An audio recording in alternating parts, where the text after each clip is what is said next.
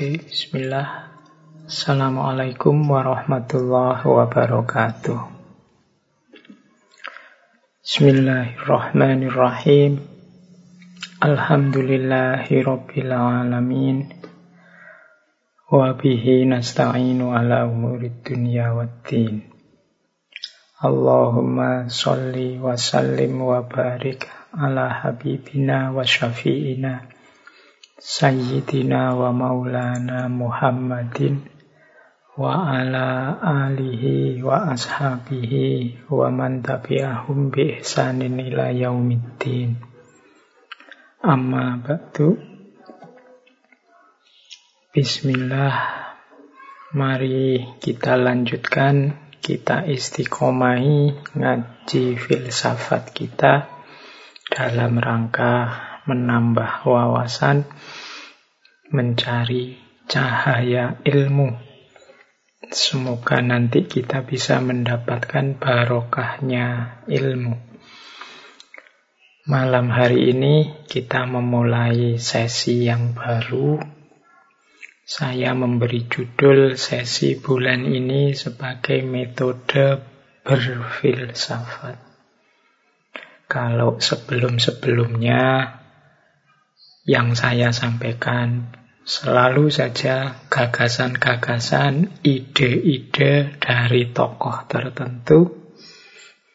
Bulan ini kita membahas caranya, metodenya, cara berpikir seperti apa sih yang bisa nantinya menghasilkan ide-ide atau gagasan-gagasan filosofis. Ya, saya urutkan per minggu mulai malam hari ini. Kalau malam hari ini temanya tentang bertanya atau pertanyaan. Minggu depan kita membahas tentang cara berdebat. Kemudian selanjutnya cara berdialog Kemudian berpikir kritis sebagai puncaknya. Nah, akhir tahun, karena bulan ini ternyata Rabunya ada lima, di akhir tahun nanti di Rebu sebelum tahun 2021, kita akan membahas tentang berpikir tentang diri kita sendiri atau cara introspeksi mumpung akhir tahun ya. Jadi itu tema-tema kita untuk bulan ini. Kita awali pertama-tama malam hari ini tentang cara bertanya atau seninya orang bertanya. Karena bagaimanapun pemikiran, gagasan, ide itu kan diawali dari pertanyaan-pertanyaan. Kalau orang tidak bertanya, menerima saja apa yang sudah terjadi di sekitarnya, ya tidak akan lahir ilmu. Maka kunci dari semuanya selalu diawali dari pertanyaan-pertanyaan. Maka malam hari ini kita awali sesi metode berfilsafat dengan seni bertanya.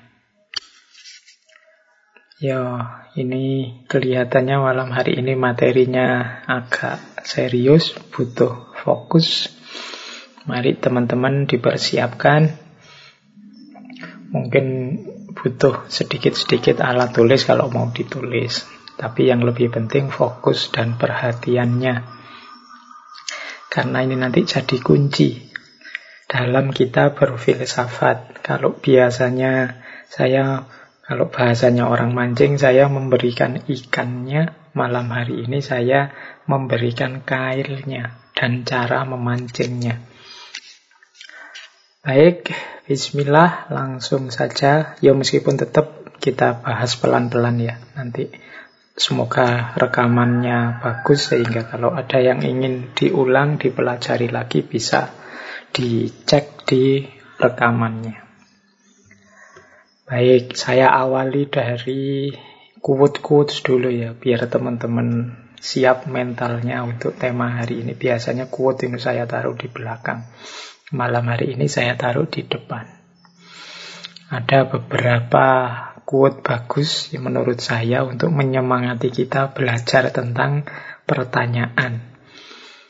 Yang pertama dari Edward de Bono. Edward de Bono ini adalah aslinya seorang dokter, psikolog, penulis, filosof juga, konsultan juga. Beliau yang mempopulerkan istilah berpikir lateral. Beliau juga yang nulis buku yang judulnya Enam Topi Berpikir. Dan beliau ini yang punya gagasan agar di sekolah-sekolah itu juga diajarkan metode berpikir yang benar. Tidak hanya nunggu kalau kuliah, kalau masuk jurusan filsafat. Buku-bukunya banyak, termasuk yang diterjemahkan dalam bahasa Indonesia.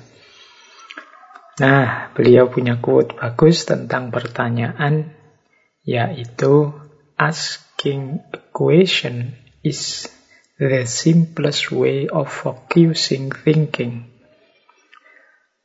Menanyakan sebuah pertanyaan itu cara paling mudah untuk memfokuskan pemikiran. Jadi, kalau kita ingin fokus, coba bertanyalah. Jangan dikira bertanya itu diawali dari tidak tahu apa-apa. Bertanya itu diawali dari rasa ingin tahu. Karena pengetahuan sebelumnya dirasa belum memuaskan.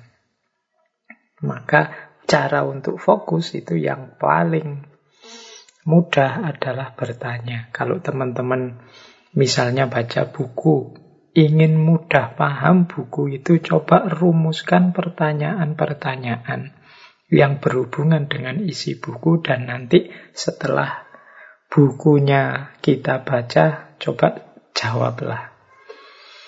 Mungkin tidak harus full buku, mungkin di tiap bab, mungkin di tiap subbab. Coba rumuskan pertanyaan-pertanyaan. Baik yang isinya informatif dari buku itu maupun yang isinya bertanya. Karena kita tidak paham, ingin penjelasan lebih jauh.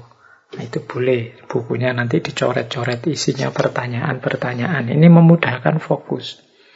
Daripada mungkin membaca buku sambil lalu saja, sambil santai, sambil melakukan apa, yaitu biasanya tidak fokus. Untuk fokus itu ada ada pertanyaan-pertanyaan yang ingin kita tahu jawabannya. Ini membuat kita fokus. Malam hari ini misalnya, teman-teman kan sudah ngerti ngajinya temanya adalah tentang cara bertanya atau seni bertanya. Mungkin sudah ada pertanyaan-pertanyaan di pikiran kita, cuma tidak kita rumuskan dengan baik. Boleh sekarang ditulis, misalnya dalam bentuk pertanyaan, bagaimana sih cara bertanya yang baik itu? Bagaimana sih cara membangkitkan minat untuk bertanya itu. Kemudian apa sih ukuran-ukuran pertanyaan disebut pertanyaan bermutu atau tidak itu. Coba bikin pertanyaan sebanyak mungkin. Nanti kita akan lebih fokus mendengarkan ngaji ini. Karena apa? Kita punya pertanyaan yang butuh untuk dijawab. Filsafat itu lahir ya karena orang bertanya tidak puas dengan jawaban-jawaban yang ada sebelumnya yang dianggap mitos seperti dari zaman Yunani. Jadi orang bertanya, hari ini mengapa teman-teman kebingungan luar biasa zaman hoax, zaman berita palsu, zaman informasi buatan, kita bingung, kita terombang-ambing, mungkin karena kita terbiasa menerima, menelan begitu saja informasi. Kita tidak terlatih bertanya dan mempertanyakan. Sehingga akhirnya kita bingung sendiri karena kita tidak fokus. Tadi ada info A, sekarang ada info B, mungkin besok ada info C. Dan kita bingung tentang hal yang sama infonya macam-macam.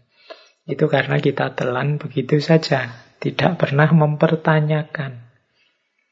Makanya kata Francis Bacon, a prudent question is one half of wisdom. Pertanyaan yang serius, yang baik, yang hati-hati adalah setengahnya kebijaksanaan. Jadi ini quotes dari Francis Bacon yang dulu pernah kita bahas satu sesi penuh. Tokoh yang memicu lahirnya modernitas di barat. Jadi pertanyaan yang kita susun dengan baik, dengan hati-hati, dengan bijaksana, itu adalah setengahnya kebijaksanaan. Jalan untuk menuju kebijaksanaan.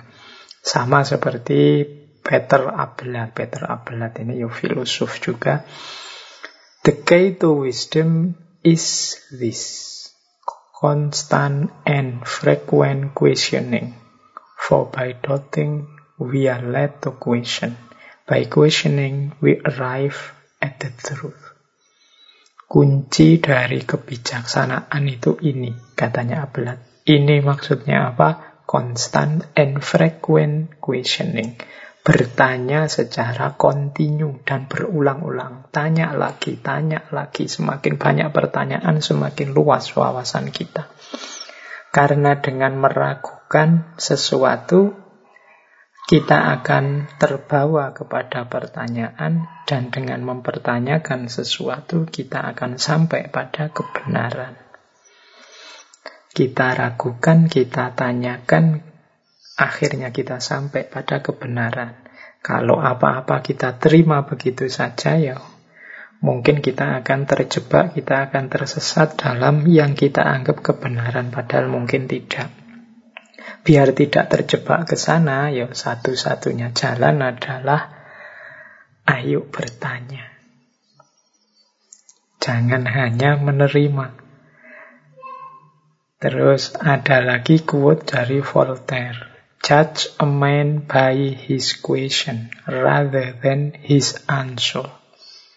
Nilailah seseorang melalui pertanyaan-pertanyaannya, bukan melalui jawabannya. Dari pertanyaan yang diajukan nanti kelihatan tipe orang ini seperti apa. Nah, itu Voltaire. Kalau Einstein dia punya quote bagus tentang pertanyaan, The important thing is not to stop questioning. Jadi hal yang paling penting adalah untuk tidak berhenti bertanya. Bertanyalah terus nanti akan lahir Einstein-Einstein baru. Orang-orang pinter baru yang banyak. Jadi Quote-quote ini menurut saya sudah cukup untuk memprovokasi kita betapa pentingnya pertanyaan untuk dunia ilmu maupun dunia filsafat maupun untuk kehidupan kita. Kalau tidak ada orang bertanya, tidak akan lahir ilmu baru. Kalau tidak ada ilmu baru, ya dunia ini tidak akan berubah. Siapa yang ingin mengubah dunia kuncinya ilmu. Siapa yang ingin menghidupkan ilmu antara lain dengan bertanya. Oke, terus saya bawakan juga ini beberapa hikmah sebelum kita membahas pertanyaan ya biar ada unsur ngajinya. Ada beberapa ayat Al-Quran yang memang konotasinya mendorong kita untuk bertanya. Jadi pertanyaan itu dalam pandangan saya secara hikmah punya tiga peran yang dimainkan. Peran yang pertama adalah orang yang bertanya itu adalah orang yang sadar bahwa dirinya tidak tahu. Dan ini nanti akan jadi awal lahirnya ilmu. Orang sadar bahwa dirinya tidak tahu itu penting. Imam Ghazali kan membagi klasifikasi manusia di dunia keilmuan itu kan ada empat. Yang pertama orang yang tahu bahwa dirinya tahu. Ini kita harus berguru pada orang-orang seperti ini, orang yang sadar kalau dia tahu. Karena memang dia tahu. Orang pinter yang sadar dirinya pinter. Ini orang yang perlu kita ikuti. Ada jenis kedua, orang pinter tapi yang tidak sadar kalau dia ini pinter. Ini orang ini mungkin perlu kita dekati, perlu katanya Imam Ghazali seperti orang tidur. Ayo kita bangunkan karena dia ini bisa berperan besar, bisa banyak kontribusinya untuk peradaban. Cuma dia tidak sadar saja. Ayo kita ajak untuk memberikan kontribusi lebih. Ini orang yang tidak tahu kalau dirinya tahu. Sebenarnya ilmunya tinggi dia, sebenarnya luar biasa wawasannya. Hanya saja mungkin dia tidak sadar nilai dirinya. Sehingga manfaatnya kurang besar. Atau jangan-jangan mungkin lingkungannya memposisikan dirinya yang membuat dia tidak sadar bahwa dia itu penting.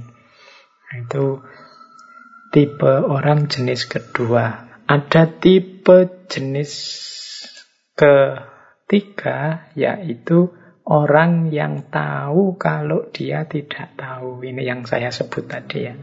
Jadi orang ini tidak ngerti, sadar juga kalau dia itu tidak ngerti.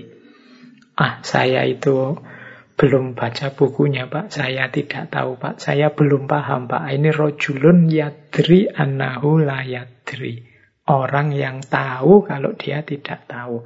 Orang seperti ini biasanya orang yang terbuka, mau belajar. Orang-orang inilah yang biasanya mampu melahirkan pertanyaan-pertanyaan secara kreatif karena dia ingin tahu. Makanya dia bertanya karena dia sadar dirinya tidak tahu. Orang seperti ini kalau ngomong, kalau posting itu biasanya ya tidak banyak menggurui. Tapi bertanya, ingin memberdayakan dirinya biar dia dari tidak paham menjadi paham. Ini rojulun yadri annahu la yadri. Orang yang sadar bahwa dirinya tidak tahu. Yang paling bahaya itu jenis keempat. Jenis keempat ini orang yang tidak tahu kalau dirinya tidak tahu. Orang yang tidak sadar kalau dirinya itu tidak ngerti. Berarti dia ini orang yang tidak tahu tapi merasa tahu. Akhirnya dia merasa punya hak untuk ngajari orang. Dia merasa sudah layak untuk nuntun orang. Padahal ilmunya belum cukup. Nah ini tergolong orang layatri anahu layatri. Tidak sadar kalau dia itu tidak tahu. Nah ini harus kita ingatkan. Biar dia belajar lagi. Biasanya kadang-kadang orang jenis ini itu kalau diingatkan ya marah karena dia merasa aku ini pinter. Ya sudah ya level kita memang mengingatkan. Kalau diingatkan tidak mau kan tidak mungkin kita ajak tawuran. Yuk kita doakan semoga dia sadar bahwa dia itu tidak tahu. Oke, ada ayat yang banyak sekali di kutip, disinggung, diceramahkan tentang bertanya ini yaitu surat An-Nahl ayat 43 yang bunyinya fas'alu ahlal dzikri in kuntum la ta'lamun. Bertanyalah kalian kepada orang-orang yang tahu ahlal dzikri in kuntum la ta'lamun. Kalau kalian tidak tahu jadi memang tugasnya orang yang tidak tahu itu bertanya pada yang tahu. Orang yang tidak paham bertanya pada yang paham. Jangan yang tidak paham ngomong macam-macam, menjelaskan macam-macam. Itu nanti malah menyesatkan orang. Belajar dulu, memahami dulu. Fas'alu ahla dzikri in kuntum la ta'lamu. Jadi ini hikmahnya pertanyaan. Jadi yang pertama, membawa kita dari dunia ketidaktahuan yang gelap menuju dunia pemahaman yang terang. Yang kedua, pertanyaan ini kadang-kadang bukti dari perhatian dan tanggung jawab. Pertanyaan dari orang tua kepada anaknya, pertanyaan dari guru kepada muridnya. Ini kan pertanyaan-pertanyaan yang menunjukkan perhatian dan tanggung jawab. Bahkan dari Allah kepada hambanya. Kan banyak sekali ayat-ayat Al-Quran itu yang isinya pertanyaan-pertanyaan. Baik yang memang bertanya maupun yang retoris. Misalnya, bukankah aku Tuhanmu? Dengan banyak Al-Quran yang artinya begitu. Kemudian, afala takilun, tidakkah kalian berpikir? Kemudian, pertanyaan-pertanyaan. Alam taro kaifa fa'ala rabbuka bi ashabil fil. Tidakkah engkau melihat bagaimana Allah memperlakukan kepada ashabul fil? Ini pertanyaan-pertanyaan untuk mendidik karena perhatian, kasih sayang, kepedulian. Ini sama seperti orang tua kepada anaknya, pertanyaan guru kepada muridnya. Kalau ada guru tanya pada murid kan tidak mungkin, wah guru ini tidak ngerti kok tanya, kan tidak begitu. Tapi pertanyaan itu wujud dari perhatian, tanggung jawab, dan kasih sayang. Ini saya bawa contohnya misalnya dari surat Al-Baqarah ayat 133.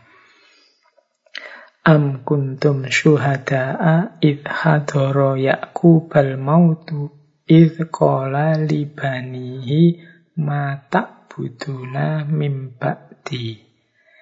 Ini Nabi Yakub suatu ketika saat beliau menjelang meninggal idhadoro Yakub al-maut sedang menghadapi maut pertanyaan terakhir diajukan kepada putra-putra beliau mata buduna mimbakti wahai anak-anakku kalau aku sudah pergi apa yang akan engkau sembah. Nah ini karena beliau khawatir nanti apa yang dilakukan putra-putranya kalau sudah tidak dikawal lagi, kalau sudah beliau tidak ada.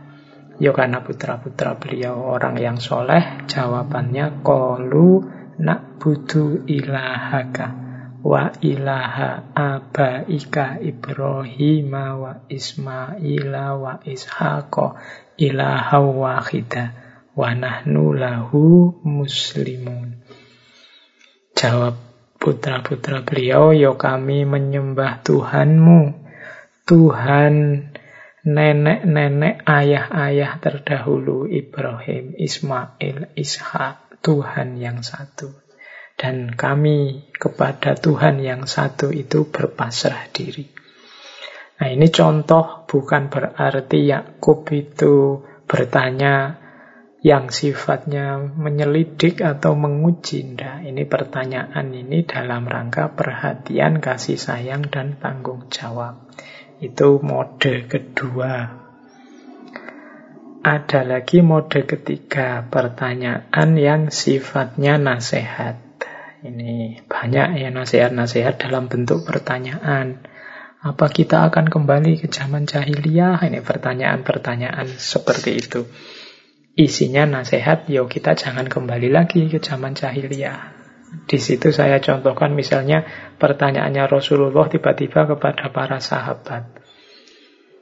Atadharuna manil muflis. Tahukah kalian siapa orang yang rugi itu? Nah ini kan seperti guru pada muridnya. Tapi hakikatnya ini nanti nasihat. Para sahabat menjawab, loh orang rugi itu orang yang tidak punya uang, tidak punya harta benda, tidak punya dirham.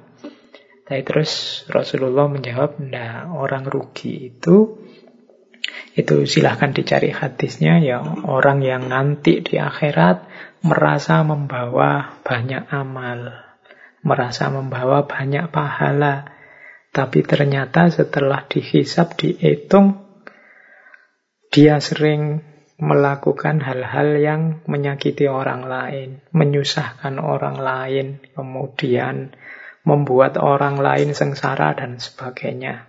Wah, bahkan safaka dhamahadha kalau di hadis itu mengalirkan darah orang lain, membunuh orang lain.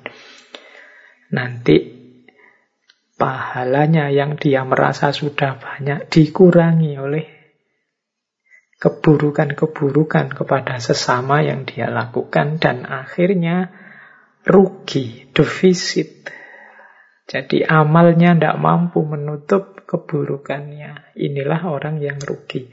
Nah ini tadi kan awalnya mode pertanyaan, tapi akhirnya adalah nasihat. Kita jangan sampai begitu. Merasa amalnya sudah banyak, tapi menyakiti, menyusahkan, menyengsarakan orang lain. Sehingga nanti ketika ditotal, pahala kita tidak nyampe untuk nutup keburukan kita. Itulah orang yang rugi. Ya, ini mode nasihat. Itu juga salah satu hikmah dari pertanyaan. Cuma malam hari ini kita akan fokus pada jenis pertanyaan yang pertama. Pertanyaan yang membawa kita dari kegelapan ketidaktahuan menuju terangnya pengetahuan.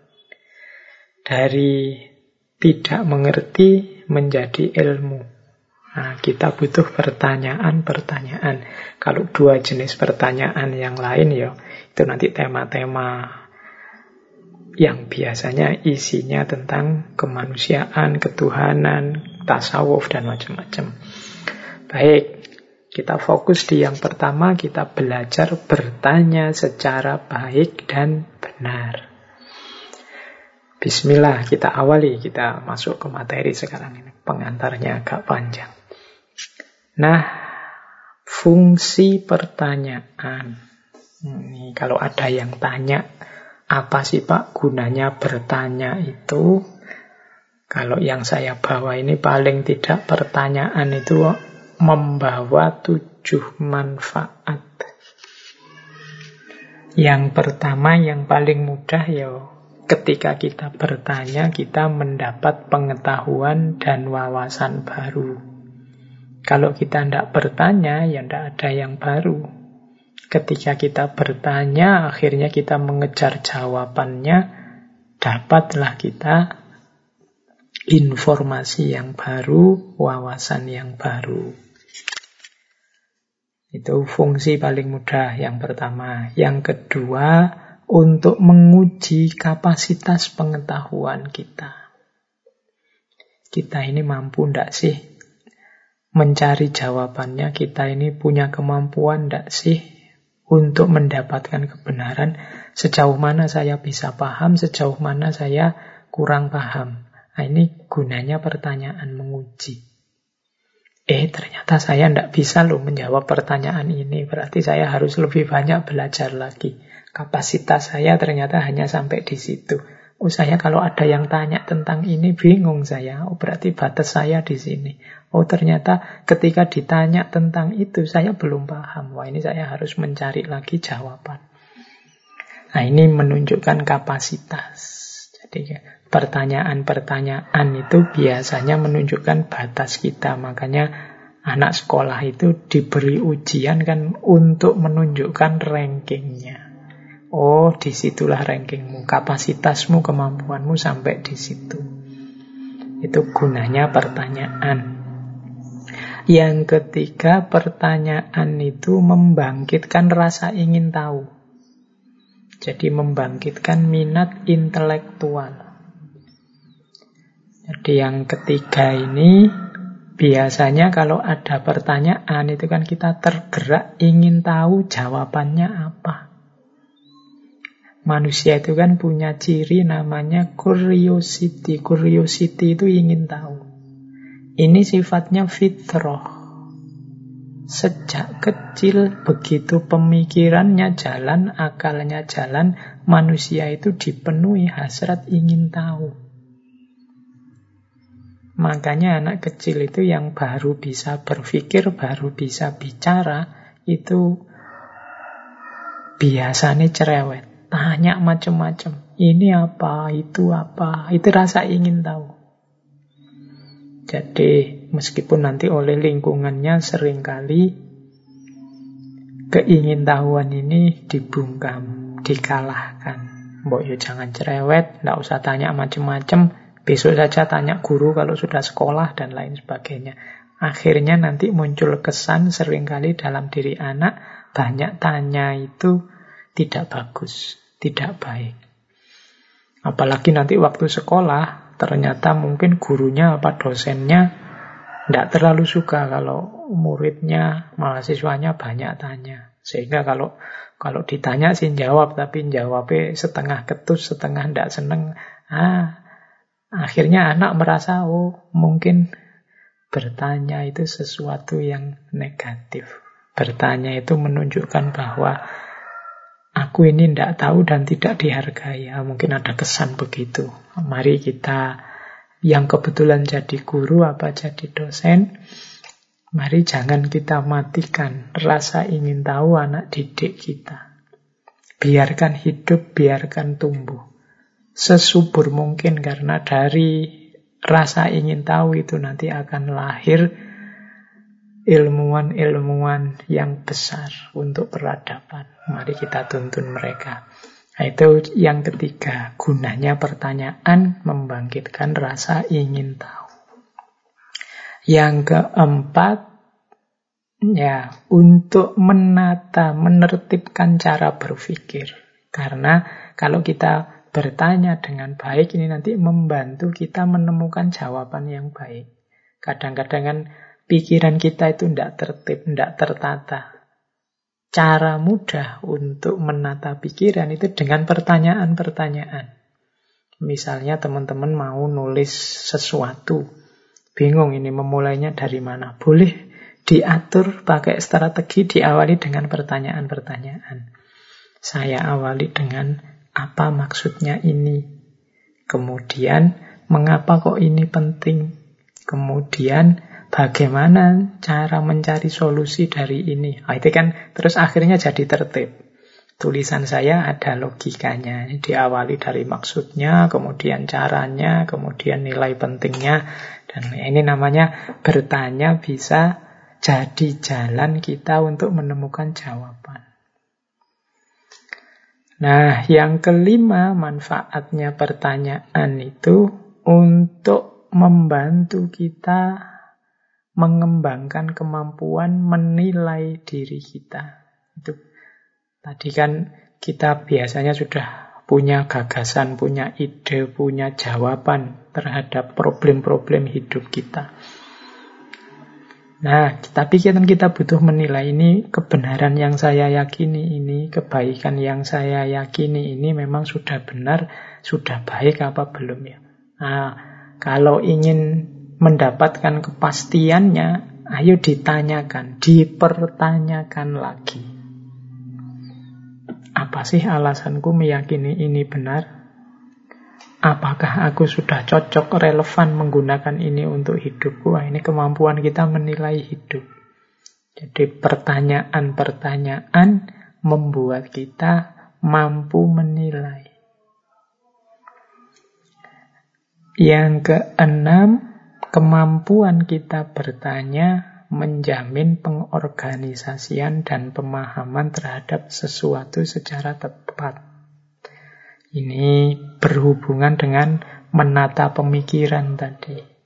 Mana yang awal, mana yang tengah, mana yang akhir. Nah, itu bisa terbantu dengan pertanyaan-pertanyaan. Dan yang terakhir, pertanyaan itu mengarahkan perhatian kita kepada unsur-unsur yang penting dalam satu permasalahan. Jadi, ketika ada pertanyaan-pertanyaan, kita bisa fokus pada ini yang penting, ini yang tidak penting. Yang penting-penting saya tanyakan dulu. Yang pokok-pokok kita uji dulu. Yang tidak penting belakangan karena kita butuh beres bagian yang pokok-pokok dulu. Nah, ini fungsinya pertanyaan. Karena ternyata fungsinya banyak dan penting-penting, maka mari kita cara belajar cara bertanya yang baik dan tepat. Kalau teman-teman sulit misal Pak saya itu ingin berfilsafat, belajar filsafat dengan baik. Tapi caranya gimana ya Pak? Cara paling mudah pertama-tama adalah bertanyalah. Susunlah pertanyaan-pertanyaan yang menurutmu penting. Nanti mungkin setelah kajian ini Teman-teman ambil kertas, ambil pulpen, coba ditulis. Apa pun coba ditulis yang menurut teman-teman penting tanyakanlah. Ya yang esensial ya. Esensial itu maksudnya tema-tema besar. Bukan pertanyaan yang untuk hal yang tidak penting. Misalnya tanya besok pagi sarapan apa, itu nanti saja. Coba tanya yang penting, kira-kira. Filsafat itu kan berawal dari pertanyaan-pertanyaan. Misalnya begini. Contohnya ya, aku ini orang yang seperti apa sih? Itu kan tanya. Ini nanti teman-teman menguji diri sendiri. Kemudian kira-kira orang lain menganggap aku itu orang yang seperti apa? Itu kan bertanya tentang diri kita sendiri. Ya sebenarnya boleh tanya apa saja. Ini contohnya tanya tentang aku. Atau tanya pertanyaan besar juga boleh. Hari ini zamannya zaman apa ya kira-kira? Sesuai yang aku kesankan orang Indonesia itu kira-kira cirinya apa hari ini? Ini kan juga pertanyaan-pertanyaan besar. Watak keindonesiaan hari ini itu seperti apa? Beda ndak ya dengan orang Indonesia zaman dulu? Coba latihan. Itu nanti tema-tema itu kan tema-tema penting, tema-tema krusial untuk kita berlatih. Bikin pertanyaan sebanyak mungkin. Semakin banyak kita punya pertanyaan, semakin menunjukkan kita berpikir. Jadi, tidak hanya menerima begitu saja apa yang terjadi di sekeliling kita. Misalnya lihat berita, entahlah berita apa wis tentang korupsi. Boleh tanya, mengapa orang kok masih mau korupsi? Padahal kelihatannya hidupnya sudah mampu. Nah, coba dijawab pertanyaan ini. Nanti jawabannya bisa A, B, C, D. Setiap jawaban coba kita uji satu-satu. Nah ini jalan kita berfilsafat. Ya mudahnya jalan jadi orang pinter. Jadi bertanya dan menguji jawaban. Nah, ini tips untuk yang kebingungan sejak kemarin. Saya ingin berfilsafat, tapi bingung mau mulai dari mana. Bertanyalah.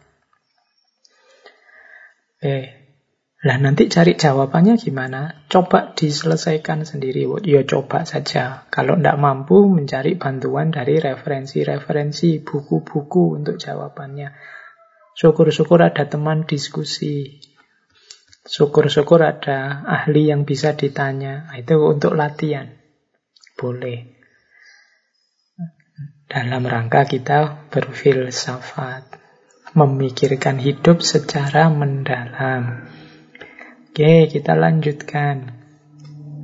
Nah, ini ada level-level pertanyaan. Jadi level ini berarti ranking ya, dari pertanyaan yang dasar sampai pertanyaan yang dalam. Ya, Semakin ke kanan, semakin mendalam pertanyaannya. Pertanyaan level paling dasar itu pertanyaan yang informatif. Ya biasanya jenisnya apa ini, apa itu, itu informatif sifatnya. Jawabannya ya isinya informasi. What, when, where, Nah, ini jenis-jenis pertanyaan informasi. Kapan Indonesia merdeka? Kapan virus pandemi ini mulai terjadi? Kapan vaksin akan diluncurkan? Dan seterusnya. Ini informatif. Relatif mudah kalau kita tahu mencari rujukannya ke mana. Makanya disebut pertanyaan paling dasar ya paling mudah ini anak-anak sekolah itu apalagi yang sekolah-sekolah dasar itu biasanya ya jenis-jenis pertanyaan informatif. Karena ini nanti yang jadi dasar membangun yang lebih dalam, lebih tinggi dari itu. Ya, dasar bukan berarti rendah atau hina ya, karena kita tidak mungkin berpikir mendalam kalau level informatifnya saja belum paham. Kalau tidak punya informasi tentang itu, percuma kita diskusi panjang lebar, ternyata kita belum paham di level informatif. Membahas panjang lebar tentang Habib misalnya, eh ternyata kita belum paham Habib itu apa. Nah itu kan eman-eman, capek-capek diskusi ternyata tidak tepat sasaran. Membahas panjang lebar tentang menjaga jarak, tapi kita ternyata paham kita menjaga jarak itu berbeda dengan yang dimaksud oleh pemerintah atau yang dimaksud oleh teman diskusi kita. Nah, ini juga nanti diskusinya biasanya tidak jelas, ngalor ngidul. Jadi level pertanyaan informatif ini rasanya kok masih simpel, sederhana, tapi bagi saya penting untuk masuk ke level pertanyaan yang lebih dalam. Nah, lebih dalam dari informatif ini level interpretif. Level interpretif ini level pemahaman. Kalau ini sudah yang ditanyakan adalah makna. Pemahaman orang. Misalnya tadi bertanya tentang kapan pandemi ini bermula, nah, level interpretif ini biasanya masuk lebih dalam. Mengapa sih kok terjadi pandemi? pandemi seperti ini itu kira-kira bermanfaat atau mudorot sih? Kalau bermanfaat, manfaatnya di mana? Kalau bahaya, bahayanya di mana saja? Kalau ditimbang antara bahaya dengan manfaatnya besar mana? Ini sudah level interpretif. Jawabannya bisa macam-macam. Setiap orang punya argumen sendiri-sendiri. Nah ini lebih dalam sudah. Sudah tidak sekedar informasi. Mana yang kita pilih di era pandemi ini? Kestabilan ekonomi atau kesehatan? Mana yang kita utamakan? Kalau kita pilih kestabilan ekonomi, mengapa? Kalau kita pilih kesehatan, mengapa begitu? Wah, ini interpretif sudah. Tidak sekedar informasi, ini sudah lebih dalam. Nah, ini level kedua. Nah, ini juga makanya tadi saya bilang, ya masuk ke level lebih tinggi butuh level sebelumnya. Kalau kita sudah memaknai tapi tidak paham informasi dasarnya, ya malah merusak pemahaman. Kita keliru, sesat pemahaman. Level kedalaman kedua. Lebih dalam lagi ada level kritis. Nah, semakin ke dalam Tadi ya, syaratnya butuh yang sebelumnya. Level kritis ini menguji lagi ketepatan jawaban-jawaban yang sudah diberikan sebelumnya. Ini namanya level kritis. Misalnya tadi, yo di era pandemi ini, kalau kesehatan kita tawakal saja, kalau ekonomi kita perjuangkan. Nah ini Jawaban ini terus ketika masuk lebih dalam dikritisi. Ini namanya level kritis. Loh bagaimana kok yang kesehatan dipasrahkan saja? Bukankah sehat itu juga harus kita upayakan? Nah ini level kritis, merespon jawaban sebelumnya. Apa tidak bisa kita bela dua-duanya? Ya ekonomi, ya kesehatan misalnya. Nah ini kritis namanya. Jadi meletakkan jawaban, menguji jawaban, mencari relevansi jawaban sesuai porsi dan proporsinya. Nah, ini namanya jawaban yang kritis, eh, pertanyaan yang kritis. Jadi mempertanyakan. Di level kritis ini tidak sekedar bertanya, tapi mempertanyakan. Mempertanyakan itu konotasinya yang mengkritisi jawaban-jawaban yang sudah ada. Tentu saja untuk bisa mengkritisi harus paham informasi, juga paham interpretasi. Kalau kita salah paham terhadap informasi dan interpretasi, ya kita tidak mungkin bisa mengkritisi. Misalnya kita mengkritisi pikirannya orang. Eh, tapi orangnya bilang, loh, saya tidak begitu, sampean salah paham. Yang saya maksud ini loh. Oh, ah, maka untuk kritis juga kita harus punya bekal informasi yang cukup, pemahaman yang cukup terhadap apa yang mau kita kritisi. Tidak sekedar mengkritik, tapi ada aspek ketepatannya. Nanti di minggu ketiga kita akan belajar lebih detail lagi cara berpikir kritis. Nah, ada level lebih dalam lagi daripada level kritis, yaitu aspek kreatif. Kreatif ini lebih dalam dari kritis, mungkin juga bisa disebut lanjutannya berpikir yang kritis. Jadi kreatif itu kemampuan kita untuk bertanya yang melahirkan jawaban-jawaban yang baru. Jadi tidak sekedar meletakkan, mempertanyakan jawaban sebelumnya, tapi kita bertanya yang jawabannya adalah kemungkinan jawaban baru. Misalnya tadi, menurut kita ekonomi harus didahulukan dari kesehatan. Nah, kalau ingin kreatif, ditanyakan bagaimana kalau kita balik kesehatan kita dahulukan dari ekonomi. Nah, ini jawabannya mesti alternatif baru. Jadi ada kemungkinan kebenaran yang berbeda yang mungkin sebelumnya tidak ditawarkan oleh jawaban-jawaban yang ada. Nah, ditanyakan secara kreatif, bagaimana kalau ini alternatifnya, bagaimana kalau itu alternatifnya, Bagaimana kalau kita balik posisinya dan seterusnya. Ini pertanyaan-pertanyaan semacam ini, pertanyaan levelnya dalam. Ini pertanyaan level kreatif. Yang itu ya butuh syarat-syarat sebelumnya. Dia harus ngerti informasi, paham interpretasi, mampu mengkritisi gagasan sebelumnya. Baru terakhir menawarkan alternatif baru. Dalam pertanyaan-pertanyaan yang sifatnya kreatif. Oh, jadi ini levelnya pertanyaan.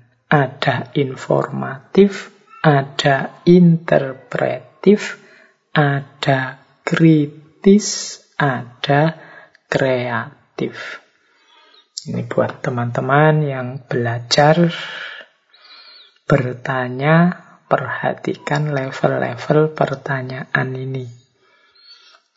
Jadi Pak, saya ingin belajar filsafat, berarti pertanyaan saya kan harus mendalam ini, Pak. Levelnya paling tidak ya kritis apa kreatif. Ya bagus, tapi untuk kritis dan kreatif harus juga paham level sebelumnya. Informatif dan interpretif. Baik, itu levelnya. Sekarang kita lanjutkan lagi kita cara kita belajar bertanya. Nah, ini saya bawa hal-hal apa sajakah yang bisa kita tanyakan. Di catatan saya ada 1, 2, 3, 4, 5, 6, 7, 8, 9. Jadi 9 poin, 9 titik yang bisa kita tanyakan secara kritis filosofis. Kadang-kadang kan teman-teman kalau ditawari biasanya saya alami di kelas. Adakah yang bertanya? Adakah yang ingin mengajukan pertanyaan? Itu biasanya terus sebagian besar diam. Kesulitan mencari titik-titik yang bisa ditanyakan. Kalau gitu, kalau tidak ada yang tanya, gantian ya, saya yang tanya. Wah, baru terus yang lain mikir gimana caranya biar dosennya tidak tanya, kita saja yang tanya, terus ngarang-ngarang pertanyaan. Oh, kadang-kadang memang harus ditrik begitu. Tapi sebenarnya ada beberapa titik umum, umum ya, secara umum yang bisa kita tanyakan.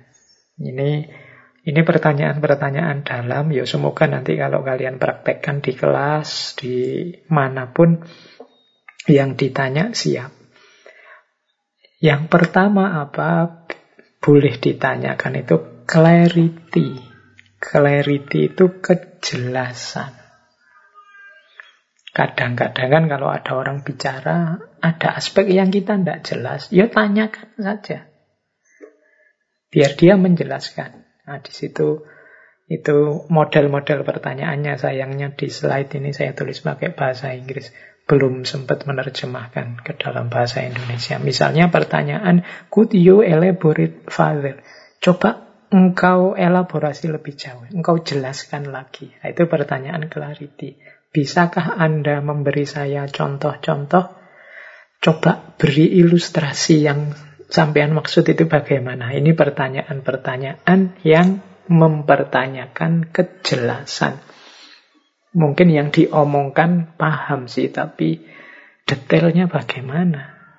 Kira-kira contohlah konkretnya apa? Itu namanya clarity.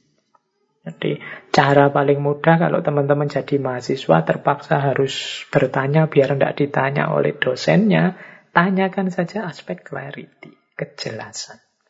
Pak mohon dijelaskan lagi bagian ini Pak. Pak bisa ada contoh konkretnya ndak?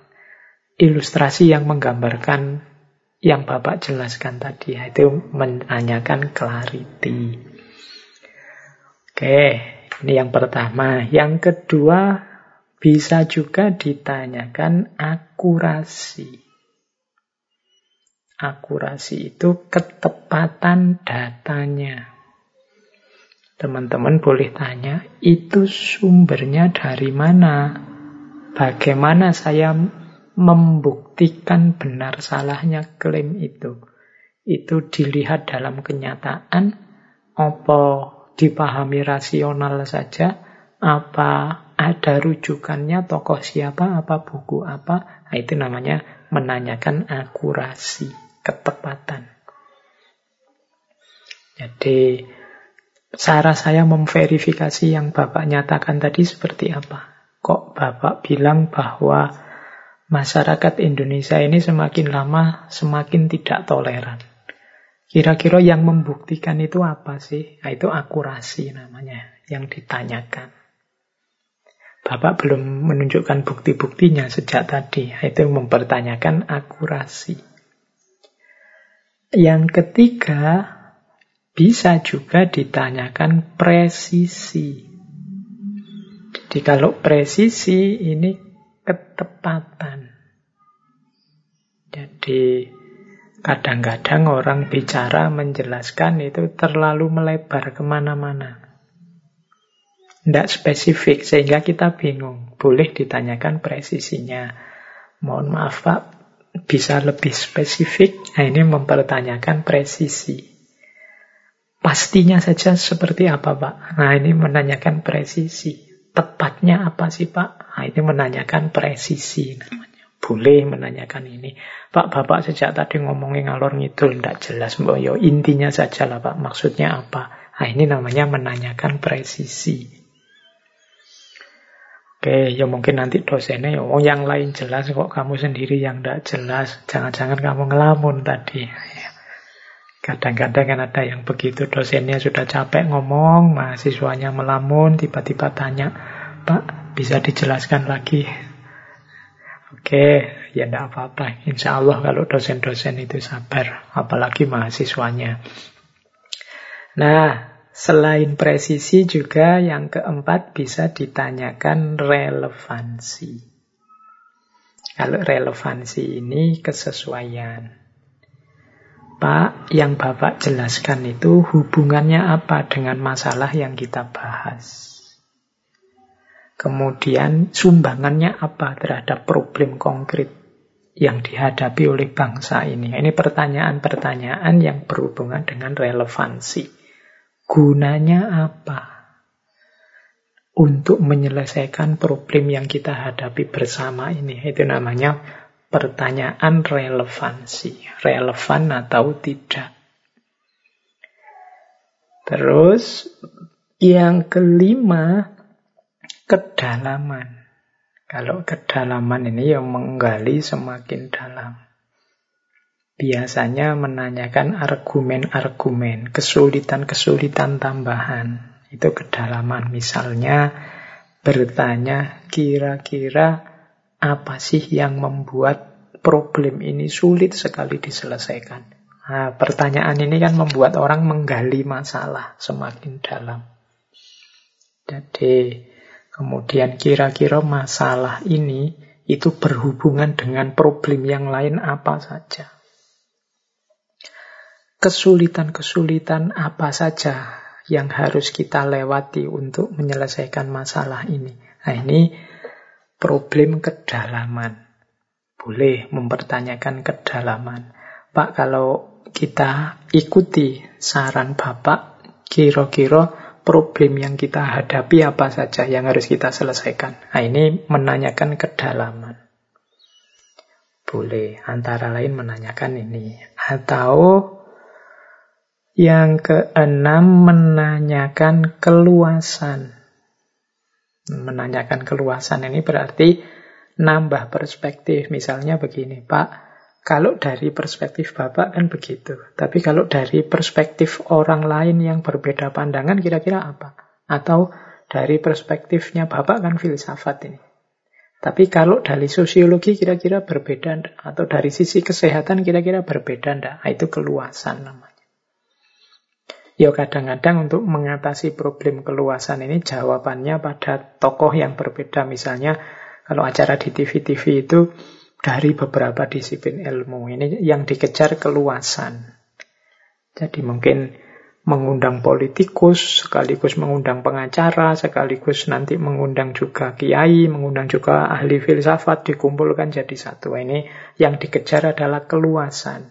Biar informasinya multi perspektif. Setelah tanya A pada tokoh ini, tanya A juga pada tokoh yang berbeda. Ini mengejar keluasan. Boleh mempertanyakan aspek keluasan. Kalau dari perspektif ini bagaimana? Perspektif filsafat tapi yang sifatnya ateis bagaimana Pak? Kalau yang filsafat tapi yang teistik gimana? Atau filsafat yang spiritualis gimana? Nah, ini mengejar keluasan. Yang ke Tujuh, bisa juga mengejar logik. Logik itu prosesnya. Mempertanyakan prosesnya. Pak, alasannya apa kok Bapak bilang begitu? Itu logikanya. Bagaimana dasarnya ini sehingga bisa kita terima ini menanyakan proses logiknya. Hubungannya apa Pak paragraf yang pertama tadi yang Bapak sampaikan di awal dengan yang Bapak sampaikan belakangan ini. Kok rasanya tidak nyambung, Pak? Nah, ini menanyakan logika. Boleh. Pak tadi katanya ngomong tentang pertanyaan. Tema kita malam ini pertanyaan. Kok Bapak malah bahas tentang itu sih? Kan tidak nyambung itu. Nah, ini boleh mempertanyakan logiknya. Jadi, koherensi berpikirnya. Kemudian yang kedelapan bisa juga mempertanyakan signifikasi. Signifikasi itu nilai pentingnya. Jadi misalnya dari yang Bapak bicarakan tadi macam-macam di depan. Yang paling penting apa Pak? Nah ini signifikasi. Jadi dicari mana yang paling penting untuk menyelesaikan masalah. Kita harus fokus ke bagian yang mana Pak? Kan tadi variabelnya banyak. Nah, itu namanya menanyakan signifikasi. Dan yang kesembilan, fairness. Fairness ini menguji jangan-jangan ada bias di situ, ada kepentingan di situ, ada prasangka-prasangka di situ.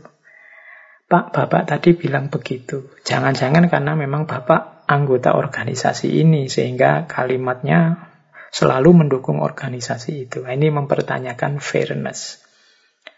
Jangan-jangan Bapak terpengaruh ini. Atau memang itu dari pikiran Bapak sendiri, yaitu mempertanyakan fairness. Jadi teman-teman, kalau ada yang ingin belajar bertanya, boleh pada titik-titik yang saya sebut tadi. Bisa mempertanyakan kejelasan, bisa mempertanyakan akurasi, bisa mempertanyakan presisi, relevansi, kedalaman, keluasan, logis tidak logis, kemudian signifikansi dan fairness, keadilan, fair, objektivitas. Ini hal-hal yang bisa kita tanyakan secara kritis. Jawabannya biasanya filosofis. Mungkin teman-teman ada di antara yang mendengarkan ngaji ini mungkin jadi penyiar Atau sekarang kan banyak ini model apa? Hari ini bikin podcast-podcast. Itu kan butuh kemampuan bertanya. Kalau enggak nanti tamumu bingung, kamu tanyanya enggak jelas. Silahkan belajar titik-titik yang mungkin ditanyakan. Clarity, akurasi, presisi, relevansi, kedalaman, keluasan, logik, signifikan, dan fairness. Boleh jadi bahan untuk bertanya. Wah nanti ini apa enggak terlalu berat Pak pada yang ditanya, yo kalian sendiri yang ngukur, ya dosisnya kan bisa diatur sesuai tema dan sesuai narasumbernya. Baik, kita lanjutkan lagi belajar bertanya kita. Nah, ya ini ada teori yang judulnya pertanyaan konvergen dan pertanyaan divergen. Jadi tipe pertanyaan berdasarkan jawaban. Ya, untuk jawaban-jawaban yang sempit, pertanyaan-pertanyaan yang butuh jawaban singkat, nama pertanyaannya adalah pertanyaan konvergen. Tadi sudah saya contohkan apa, siapa, kapan, di mana. Ini jenis jawabannya ya jawaban simpel. Jadi tepat, ringkas, jelas. Ini tipe pertanyaan tingkat awal. Namanya pertanyaan konvergen.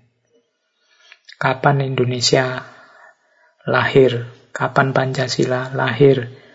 Kemudian apa lambang negara kita dan seterusnya. Ini pertanyaan-pertanyaan konvergen. Nanti ada pertanyaan-pertanyaan divergen. Kalau divergen ini jawabannya tidak satu. Mungkin setiap orang menjawab bisa beda-beda. Karena sesuai dengan tingkat berpikirnya masing-masing orang. Mengapa sih kita harus pasrah saja kepada Tuhan menghadapi pandemi ini? Oh itu jawabannya bisa masing-masing kepala beda-beda. Jenis pertanyaan ini namanya pertanyaan divergen. Tapi seperti saya bilang tadi, untuk masuk ke ranah divergen kadang-kadang harus konvergen dulu. Jelas dulu informasi-informasi basicnya. Mau menjawab pandemi dan hubungannya dengan kesehatan kan kita harus tahu dulu apa itu pandemi, bedanya apa dengan sekedar wabah atau penyakit biasa dan lain sebagainya. Nah, jadi ini nambah saja satu wawasan baru, ada jenis pertanyaan konvergen, ada jenis pertanyaan divergen. Baik, ambil nafas dulu sebentar. Semoga sudah mulai terbayang dan mulai bersemangat kita untuk menjawab dan mencari pertanyaan dengan baik. Nah, sekarang tentang ciri-ciri pertanyaan yang baik. Ada beberapa ciri. Yo ini harus dilatih. Pelan-pelan nanti kita bisa membuat pertanyaan yang baik. Tapi kalau ada pertanyaan boleh kita uji ini termasuk pertanyaan yang baik atau tidak. Pertanyaan yang baik itu yang pertama apa? Membangkitkan rasa ingin tahu. Jadi orang kalau mendengar pertanyaan itu tertarik, kira-kira jawabannya apa ya? Kalau ada pertanyaan, jawabannya sudah jelas, itu kan kita males mendengarkannya. Saya sering di TV itu misalnya ada bencana apa musibah misalnya. Terus anu yang wawancara pertanyaannya kadang tidak menarik sama sekali. Misalnya tanya, Bapak sedih ndak mengalami bencana ini? Ditinggal, misalnya artis ditinggal orang tuanya. Apa yang Anda rasakan? Sedih atau tidak? Itu kan pertanyaan yang tidak usah ditanyakan, kita juga sudah tahu jawabannya. Jadi pertanyaan yang baik itu pertanyaan yang membuat kita ingin tahu kira-kira jawabannya apa. Nanti kalau kita jadi reporter, kalau ada yang jadi reporter, coba latihan membuat pertanyaan yang ini orang kalau mendengar pertanyaan ini, semua ingin tahu jawabannya. Bukan, Allah kalau ada pertanyaan itu, tidak usah dijawab, saya juga sudah tahu kira-kira jawabannya apa. Nah, itu pertanyaannya berarti kurang baik, tidak menarik. Yang kedua, pertanyaan yang baik itu membuat orang semangat untuk progres. Progres itu maksudnya apa? Ini kalau jawabannya ketemu, ada yang berubah lebih baik. Nah, ini pertanyaan yang sangat baik. Jadi, wah ini harus saya jawab ini. Kalau pertanyaan ini ketemu jawabannya, hidup kita akan jadi lebih baik. Nah, itu pertanyaan yang baik juga. Kalau tadi saya bisa jawab tipe orang seperti apa aku ini, nah kalau ketemu ini, wah aku bisa berubah jadi lebih baik. Nah, cari pertanyaan-pertanyaan yang membangkitkan semangat untuk jadi lebih baik. Jadi semangat untuk progres. Ini mungkin di TV-TV, di podcast-podcast teman-teman latihan membuat pertanyaan yang kalau itu ditanyakan ada jawaban yang konstruktif, kreatif, membuat hidup jadi lebih baik. Nah, berarti itu pertanyaan yang baik. Yang ketiga, pertanyaan yang baik itu yang memicu diskusi yang reflektif. Ya memang jawaban pastinya tidak ketemu, tapi ini membuat kita berdiskusi dengan reflektif. Reflektif itu dengan mendalam. Membuat akal kita berputar, bergerak, menganalisis. Wah ini kan kerja yang mulia berpikir itu. Jadi pertanyaan yang membuat kita berefleksi itu adalah pertanyaan yang bagus. Kemudian ciri pertanyaan yang baik lagi adalah pertanyaan yang membuat kita fokus dalam pembahasan. Jadi jangan menanyakan sesuatu yang membuat temanya melebar ke mana-mana. Hari ini temanya apa, malah tanya tentang apa. Ini bukan pertanyaan yang baik. Ya memang orang harus banyak tanya, tapi kan juga harus ngerti momennya. Nah, pertanyaan yang baik itu membuat orang tambah fokus, tambah paham terhadap permasalahan. Pertanyaan yang baik juga memancing pemikiran yang kreatif, membuat orang ingin tahu jawaban-jawaban yang baru. Ini kan fungsi kreatif dari pertanyaan. Ini nyambung dengan selanjutnya melahirkan kemungkinan-kemungkinan baru. Jadi pertanyaan-pertanyaan yang membuat orang, wah ini mungkin A ini jawabannya, mungkin B ini jawabannya. Wah tidak terfikir ke situ. Gara-gara pertanyaan ini kita jadi berpikir ke sana. Nah, ini pertanyaan yang baik. Jadi melahirkan kemungkinan-kemungkinan yang baru. Terus pertanyaan yang baik itu menampakkan asumsi-asumsi yang tersembunyi. Kadang-kadang pernyataan-pernyataan dari seseorang atau ungkapan-ungkapan di, buku atau apa itu kan ya hanya kelihatan penampakan luarnya saja. Nah, ketika pertanyaan diajukan menggali lebih dalam, biasanya asumsi-asumsi yang tersembunyinya keluar. Nah, ini pertanyaan yang baik itu yang menampakkan asumsi tadi. Bapak berani bilang begitu karena kan Bapak sedang membela ini. Menurut Bapak, hubungannya negara dan agama itu kan seperti ini, sehingga Bapak menyatakan itu. Nah, itu menampakkan asumsi yang tersembunyi. Jadi orang bilang begini, begini, begini, terus ditanya.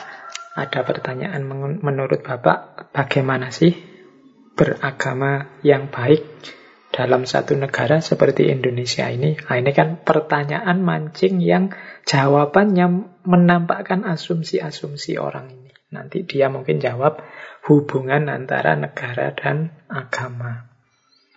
Misalnya lagi pertanyaan yang membongkar asumsi-asumsinya pakar pendidikan. Misalnya kita tanya, menurut Bapak, anak didik itu tergolong baik kalau dia banyak bertanya, apa banyak patuh, apa dia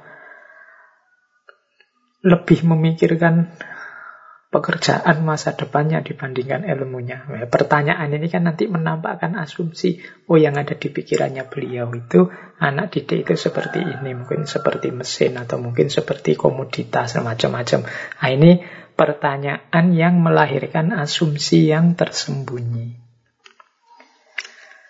Kemudian pertanyaan yang baik juga ya pertanyaan yang melahirkan makna-makna yang dalam.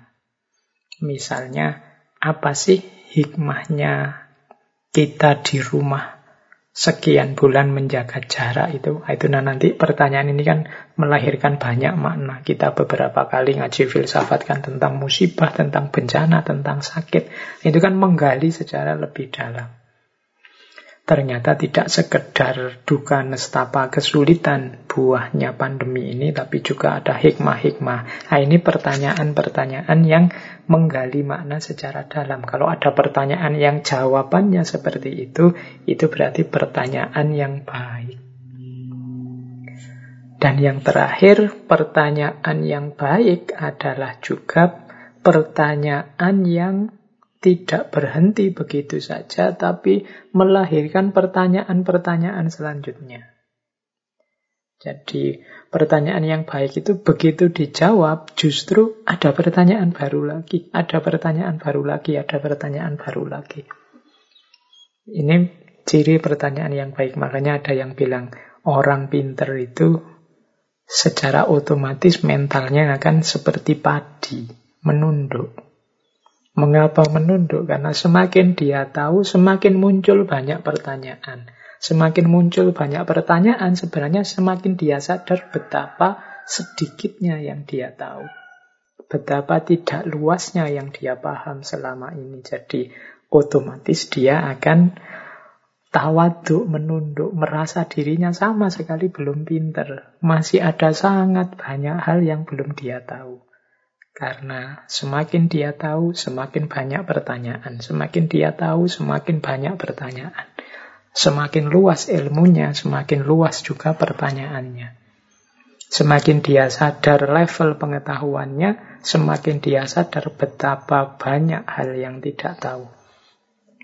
Ini yang membuat dia terus tidak berani sombong, tidak berani membusungkan dada akan ilmu dan pengetahuannya.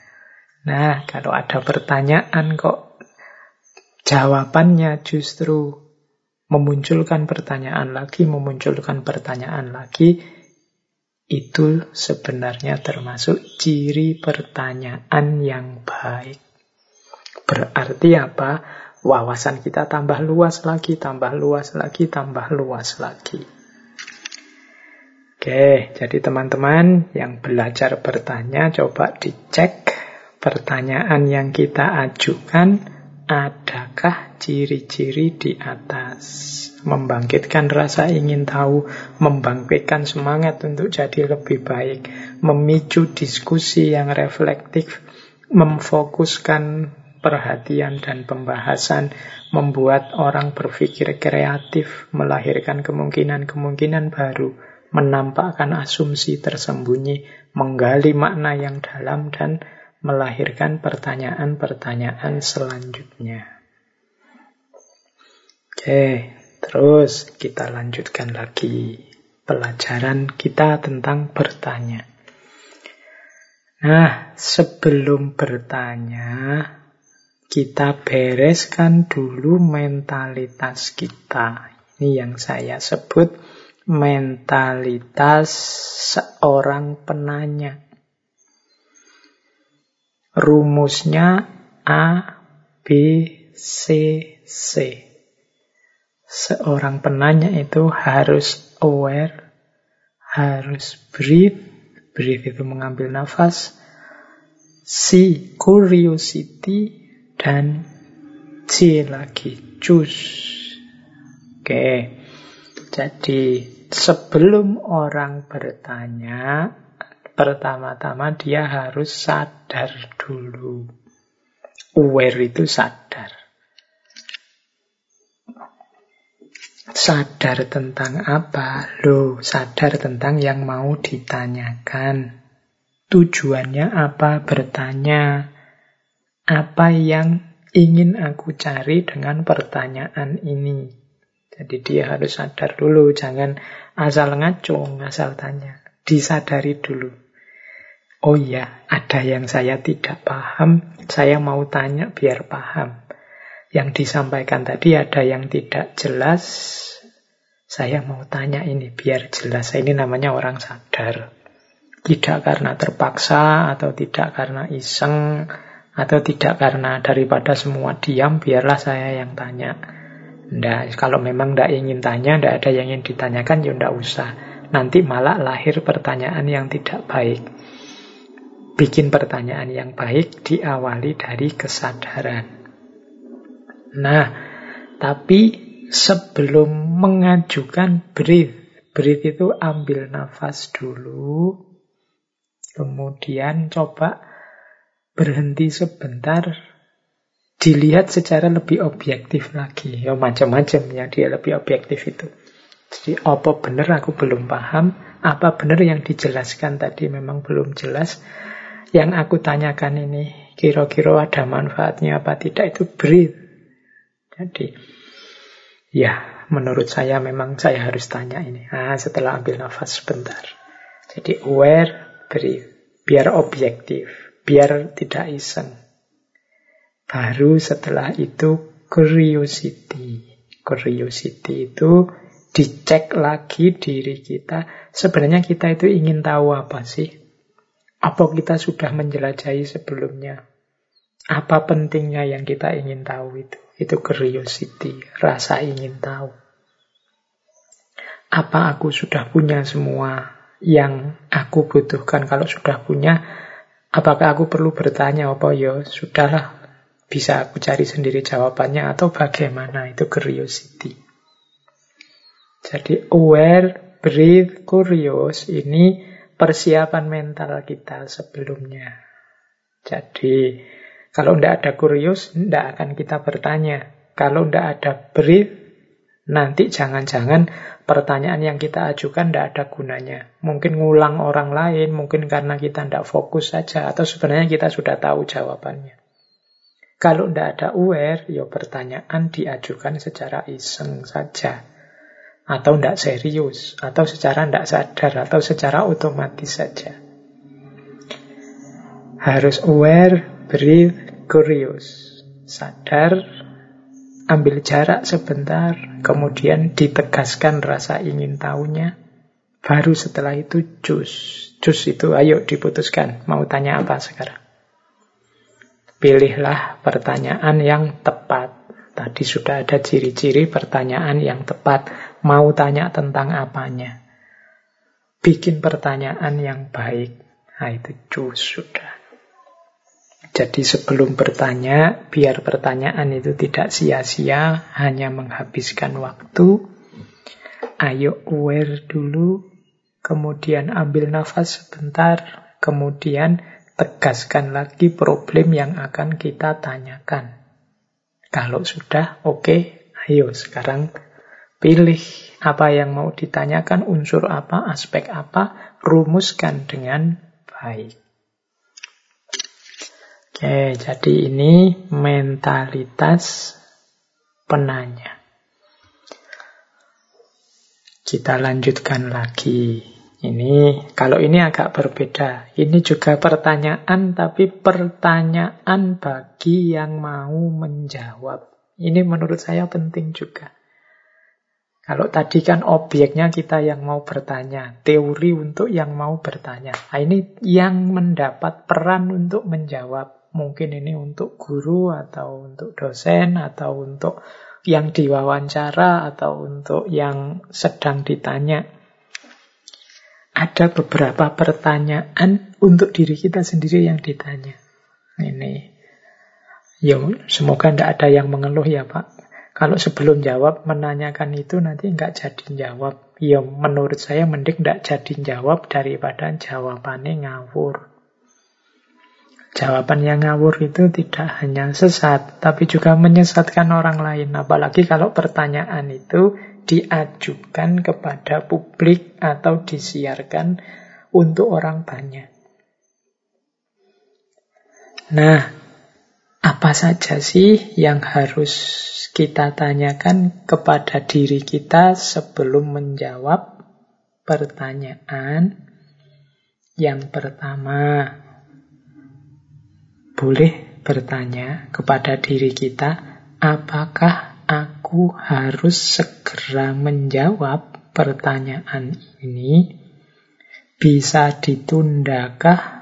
Atau jangan-jangan tidak perlu aku jawab juga tidak apa-apa, wong itu pertanyaan yang sifatnya retoris atau pertanyaan yang hanya mengisi waktu. Nah, itu ini penting. Karena kadang-kadang kalau pertanyaannya tidak penting untuk dijawab, mending tidak usah dijawab saja. Kalau dijawab malah nambah masalah. Atau ditunda. Ditunda saja ya saya. Saya tidak jawab sekarang. Kalau saya jawab sekarang, situasinya masih belum mungkin dan jangan-jangan nanti sensitif. Nah, ada yang harus ditunda, bahkan ada yang harus tidak dijawab. Tapi ada juga yang harus segera aku jawab. Kalau tidak aku jawab nanti banyak konsekuensi negatifnya. Nah, pertama ini menguji apa harus segera aku jawab atau aku tunda dulu atau tidak perlu dijawab. Yang kedua, coba dikonfirmasi lagi.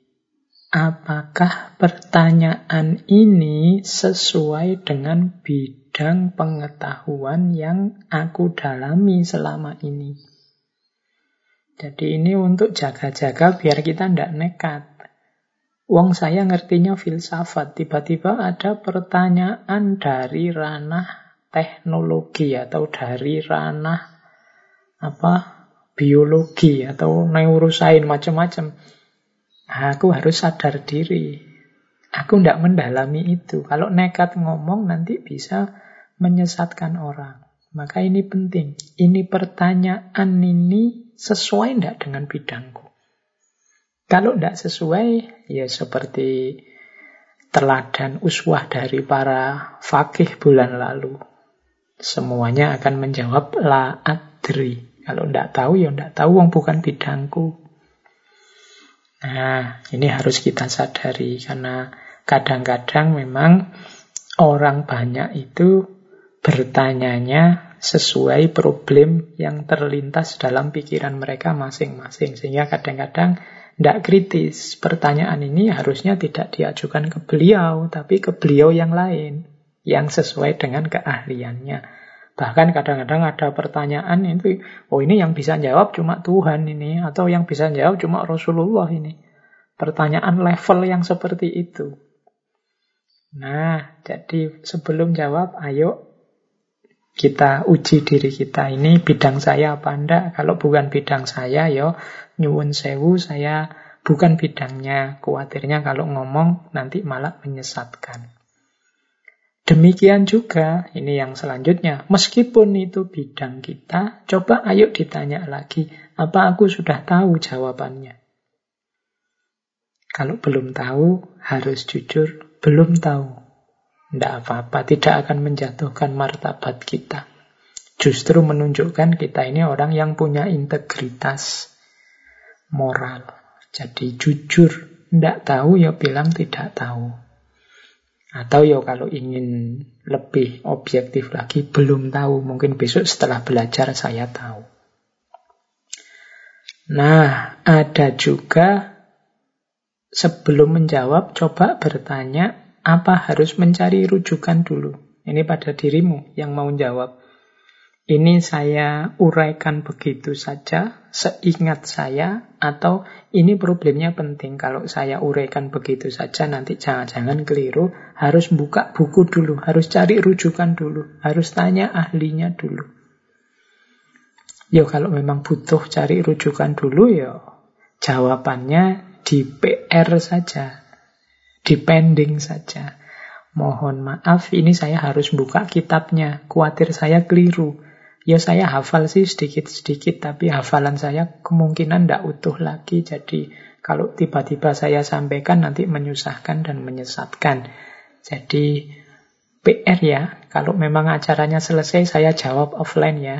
Nanti kita ketemu lagi atau yo ya tetap lewat medsos nanti saya japri atau DM enggak apa-apa.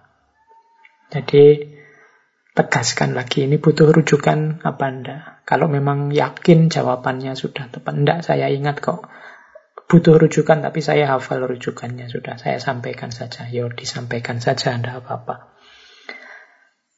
Tanyakan juga jangan-jangan problem ini berhubungan dengan pandangannya orang lain. Yang kita harus diskusi dulu, harus konfirmasi dulu ke yang bersangkutan. Wong tadi yang bersangkutan tidak mewakilkan ke kita.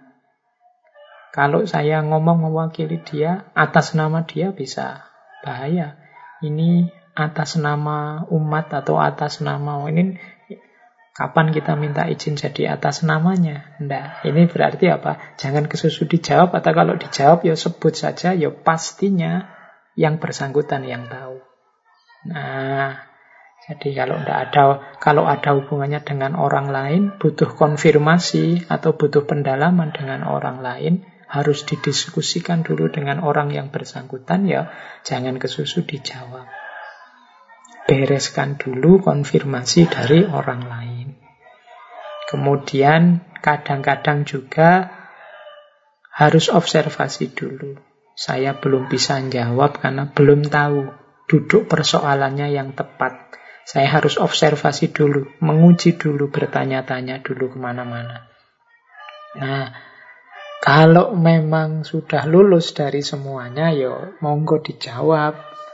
Jangan sampai menyembunyikan wawasan, menyembunyikan ilmu, karena ilmu itu anugerah Allah dalam bentuk cahaya yang kita untuk mencahayai yang lain juga, tidak hanya mencahayai diri kita sendiri. Tapi kalau memang ada kendala-kendala yang tadi 1, 2, 3, 4, 5, 6 tadi, ya coba dipikir lagi. Apa harus kita nekat menjawab, padahal masih butuh hal lain yang harus dilakukan. Jangan sampai kita sesat dan menyesatkan. Oke, terus. Nah, ini saya membawa namanya proses ideal.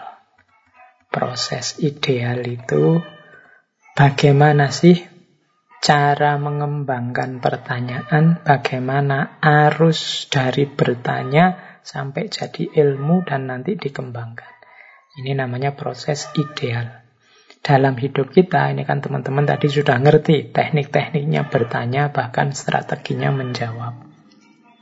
Perhatikan setelah bertanya, kan nanti ada jawaban-jawaban. Setelah question, kan nanti ada answer. Setelah dapat jawaban, ada decision. Decision itu keputusan. Oh, saya putuskan memilih jawaban ini. Nah, itu decision. Menurut saya yang benar ini, itu decision. Kalau sudah decision, yo selanjutnya action. Action itu tindakan. Oh ya, saya dapat jawabannya ini, kebenarannya ini, inilah yang saya lakukan sesuai dengan kebenaran jawaban yang saya temukan tadi. Nah, itu action. Tindakan itu biasanya nanti membuahkan hasil, result. Jadi, saya melakukan itu, hasilnya ini. Nah, itu result. Nah, setelah result, hasilnya kelihatan, yang terakhir adalah evaluation. Evaluation itu diuji. Kan keputusan kita tidak selalu pasti benar. Kadang-kadang ada keliru-kelirunya, ada kurang-kurangnya. Tapi ketika kita sudah menjalankan, sudah kelihatan hasilnya, kan bisa kita uji, bisa kita evaluasi. Oh, ternyata jawabanku terhadap pertanyaan tadi kurang tepat jawabanku ada kurangnya, ada tidak benarnya. Nah, ini gunanya evaluasi. Jadi ini yang saya sebut proses ideal. Proses setelah kita bertanya, kemudian memutuskan jawaban yang tepat, kemudian menjalankan hasil jawaban itu, kemudian melihat hasilnya, dan yang terakhir refleksi evaluasi. Kita uji lagi, kita evaluasi lagi apa benar jawabanku pas. Apa isinya evaluasi itu? Ya pertanyaan lagi, mempertanyakan lagi terhadap jawaban yang semula sudah kita berikan. Ini saya sebut proses ideal. Karena, Kak, mungkin ada yang tanya, Pak, bukankah lebih positif bertanya, kemudian jawabannya kita uji lagi, ujiannya kita kritisi lagi, ya kalau yo ya itu ya bagus, tapi kan hidup ini tidak bisa kita berpikir terus-menerus, kontemplasi, refleksi, ada titik-titik keputusan harus kita ambil, tindakan harus kita jalankan. Segera. Maka Yo diskusi iya, berpikir iya, refleksi iya, tapi kan harus ada titik kita putuskan untuk saat ini menurut saya yang paling tepat, yang paling baik yo ini. Nah, tapi jangan lupa ada wilayah refleksi. Refleksi itu berpikir ulang, evaluasi, mengevaluasi ulang apa yang selama ini sudah aku putuskan cocok apa enggak, sesuai apa enggak. Itulah yang saya sebut proses ideal. Jadi meskipun bertanya, mencari jawaban itu penting, kemudian bertanya lagi, mempertanyakan lagi jawaban itu bagus, tapi yo ada titik ketika kita harus memutuskan dan menjalankan jawaban kita. Tapi jangan lupa kalau sudah dijalankan, dievaluasi lagi. Apa memang cocok, apa memang sesuai atau tidak.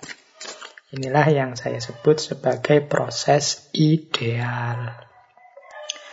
Baik, kita lanjutkan lagi sekarang bagian terakhir ngaji kita malam hari ini sebenarnya masih banyak teori-teori tentang cara bertanya yang baik. Teman-teman silahkan nanti membaca buku-buku biasanya buku yang tentang berpikir yang kritis.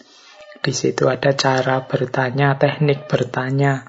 Apalagi teman-teman psikologi misalnya nanti kan ada pertanyaan atau ujian itu untuk level kognitif, afektif, psikomotorik. Nanti ada jenis pertanyaan untuk level pengetahuan, nanti ada pertanyaan analitis, pertanyaan sintetis, dan macam-macam. Silahkan yang ingin mendalami teorinya. Gambaran umumnya saya jelaskan tadi di depan.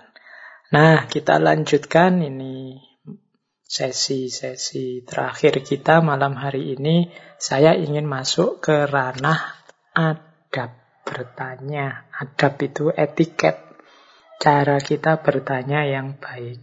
Karena kadang-kadang ya bertanya itu penting, tapi ketika disampaikan dengan tidak baik, hasilnya juga tidak positif. Pertanyaan yang disampaikan dengan tidak baik itu kadang hasilnya konflik, Orang merasa diuji, orang merasa direndahkan, orang merasa tidak dianggap, dan lain sebagainya. Maka kita perlu juga belajar adab bertanya. Nah, yang pertama, ini pelan-pelan ya. Bertanyalah secara sederhana dan mudah dipahami. Jangan bertanya dengan kalimat-kalimat panjang atau menggunakan kata-kata asing yang sukar dipahami orang. Ini menurut saya penting ya, kadang-kadang kita itu sambil bertanya, sambil ingin memamerkan betapa kita itu punya wawasan yang luas. Betapa kita itu punya pandangan yang lebih bagus daripada orang yang kita tanya. Nah, ketika kita ingin memamerkan luasnya wawasan kita, keunggulan pandangan kita dibandingkan orang yang kita tanya, ini sering jadi blunder. Jadi jawabannya akhirnya sering bukan kebenaran, tapi pertandingan. Siapa yang lebih benar, siapa yang lebih kuat. Bertanyalah karena memang itu penting untuk ditanyakan, gunakan kalimat-kalimat yang sederhana, mudah dipahami. Jangan gunakan kalimat-kalimat panjang. Kadang-kadang ada orang bertanya itu lebih panjang daripada narasumbernya, pematerinya. Pematerinya 10 menit, dia bertanyanya sampai 15 menit misalnya. Nah ini ya kayak narasumber tandingan akhirnya. Tanyakan saja to the point sesuai yang mau ditanyakan secara sederhana dan mudah dipahami. Jangan pakai kalimat-kalimat panjang, apalagi sambil membaca buku. Ini yang saya buku, yang saya baca ini bunyinya begini, Pak, bla bla bla bla, dibaca panjang sekali. Setelah itu baru bertanya. Ini membuat jengkel yang lain, jangan-jangan juga membuat jengkel yang ditanya bertanya secara sederhana saja karena memang ingin tahu atau ingin kejelasan atau ingin yang tadi sembilan tadi apa yang kita inginkan langsung saja. Jangan dibiasakan juga menggunakan kata-kata asing yang sulit dipahami orang. Kadang-kadang kita akan suka oh, apa dengan istilah-istilah asing rasanya lebih keren pakai kata-kata eksistensi lah, esensi lah, pakai kata-kata. Pokoknya yang asing-asing, yang orang, wah paradigma lah, apalah. Nah, iya, ya mungkin banyak yang paham, tapi kasihan yang tidak paham itu loh. Ini maksudnya apa? Apalagi kalau dalam forum yang umum, yang tidak orang-orang tertentu saja, yang elit saja, intelektual saja yang ikut. Jadi kalau memang ada padanannya istilah yang mudah, ya gunakan istilah-istilah yang mudah saja. Jadi ini menurut saya penting. Jadi yang pertama, bertanya sederhana saja, yang penting mudah dipahami. Terus yang kedua, kalau kita bertanya dengan tujuan memperoleh pengetahuan, tegaskan apa yang ingin kita ketahui itu. Sebelum mengajukan satu pertanyaan, kita perlu tahu apa yang tidak jelas bagi kita. Karena kalau kita tidak menegaskan, kadang-kadang ya pertanyaan kita itu mendapat jawaban yang tidak memuaskan. Karena kita sendiri tidak jelas apa yang membuat kita puas, wong cara mengajukannya juga tidak jelas. Jadi tegas saja, Pak, Bu, saya ingin tahu tentang ini loh. Nah, itu kan jelas. Saya tadi dalam penjelasan belum paham bagian yang itu, yang tentang ini. Maksudnya bagaimana ya? Ini lebih jelas. Kadang-kadang kita bertanya itu kan malu kalau ngomong to the point langsung. Terus kita beri ilustrasi-ilustrasi yang kadang ilustrasinya malah bikin rumit. Atau yang ditanya terus terdistraksi. Dia justru yang ditanggapi ilustrasinya, bukan pertanyaan utamanya. Jadi kalau mau bertanya, coba tegaskan. Mungkin di awal atau di akhir kalimat. Saya ingin tanya tentang ini loh. Saya ingin kejelasan tentang ini loh. Ilustrasinya menyusul di belakang. Jadi biar yang ditanya itu paham. Karena kadang-kadang kita memberi ilustrasi terlalu panjang lebar, yang ditanya teralihkan perhatiannya pada ilustrasi kita. Akhirnya yang ditanggapi ilustrasi kita, bukan pertanyaan kita. Jadi yang pertama dan kedua, adabnya bertanya itu ya sederhana, mudah dipahami, to the point dan tegaskan apa yang kita tanyakan, apa yang kita inginkan. Oke, ini kalau pertanyaan untuk mendapatkan informasi. Terus ada kalanya yang nomor tiga ini adabnya bertanya. Kalau kita bertanya bukan karena ingin tahu, tapi untuk memancing orang biar paham, biar tahu. Misalnya guru kepada muridnya, pemimpin diskusi untuk mengarahkan diskusi. Nah, ada baiknya kita tidak langsung bertanya tentang inti permasalahannya, tapi diberi tambahan-tambahan informasi. Siapa tahu orang yang kita arahkan, ya orang yang kita tanya, belum ngerti informasi dasarnya. Tadi kan untuk bertanya itu harus ngerti informasi dasarnya. Nah, kadang-kadang kita kepada murid atau pemimpin diskusi itu harus menunjukkan informasi-informasi dasar ini. Baru kemudian kita ajukan pertanyaan. Karena ya kalau orang tidak ngerti informasi dasarnya, tidak akan bisa menjawab pertanyaan level interpretif atau level kritis atau level kreatif. Jadi akhirnya ya kita beritahu dulu. Misalnya begini. Ini di slide saya contohkan tentang lumpur lapindo. Bagaimana pendapatmu tentang lumpur lapindo? Loh ini pertanyaan ini kalau yang sudah ngerti lumpur lapindo ya dia langsung nyerocos saja jawab. Tapi orang yang tidak tahu tentang kasusnya lumpur lapindo dia tolak-toleh. Hubungannya apa lumpur lapindo? Apa itu lumpur lapindo? Wong tentang lumpur saja kok dibahas.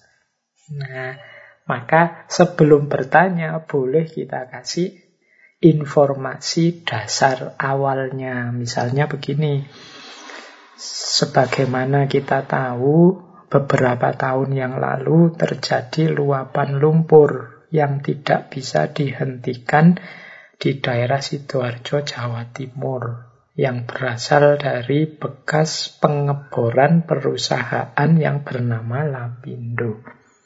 Bagaimana pendapatmu tentang hal ini? Loh, kalau itu kan jelas. Jadi orang ngerti informasi dasarnya. Ini untuk kita ya yang kadang-kadang bertanya untuk menguji kapasitas itu butuh informasi dasar pada murid kita, pada peserta diskusi dan lain-lain. Karena tidak semua orang ngerti. Nah, ini adab kedua.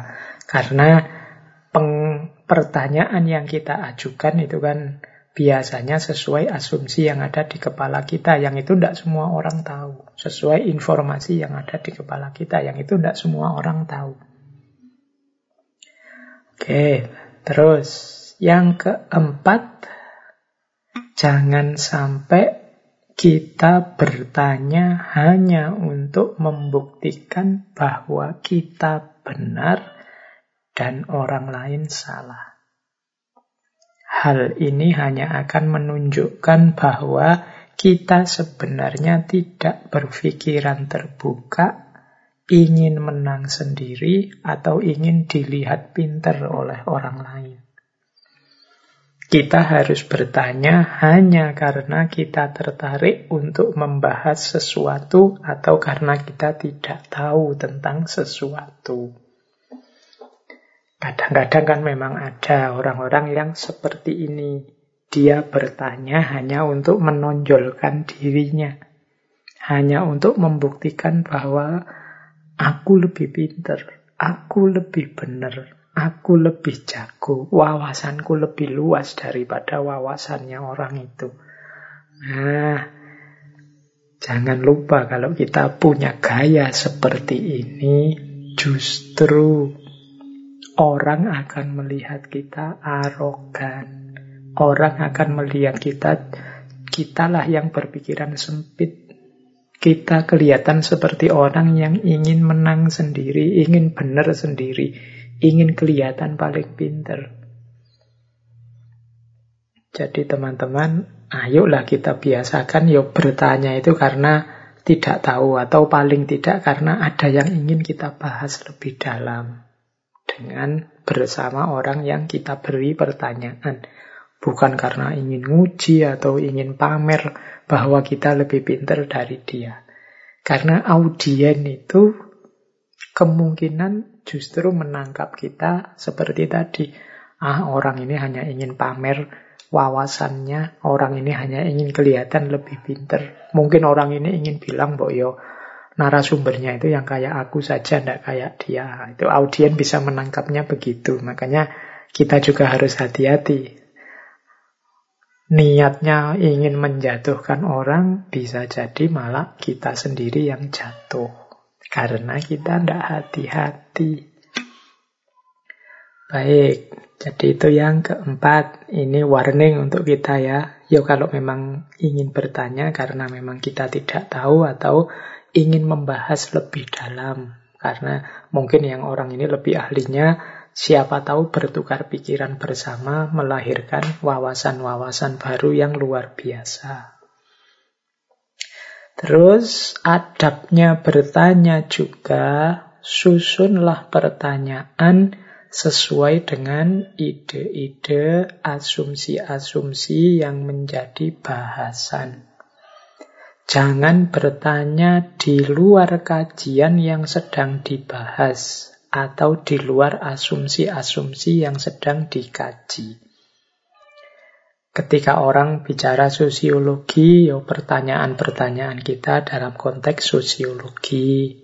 Kalau orang sedang membahas pertanian, ya pertanyaan-pertanyaan kita relevan dengan dunia pertanian.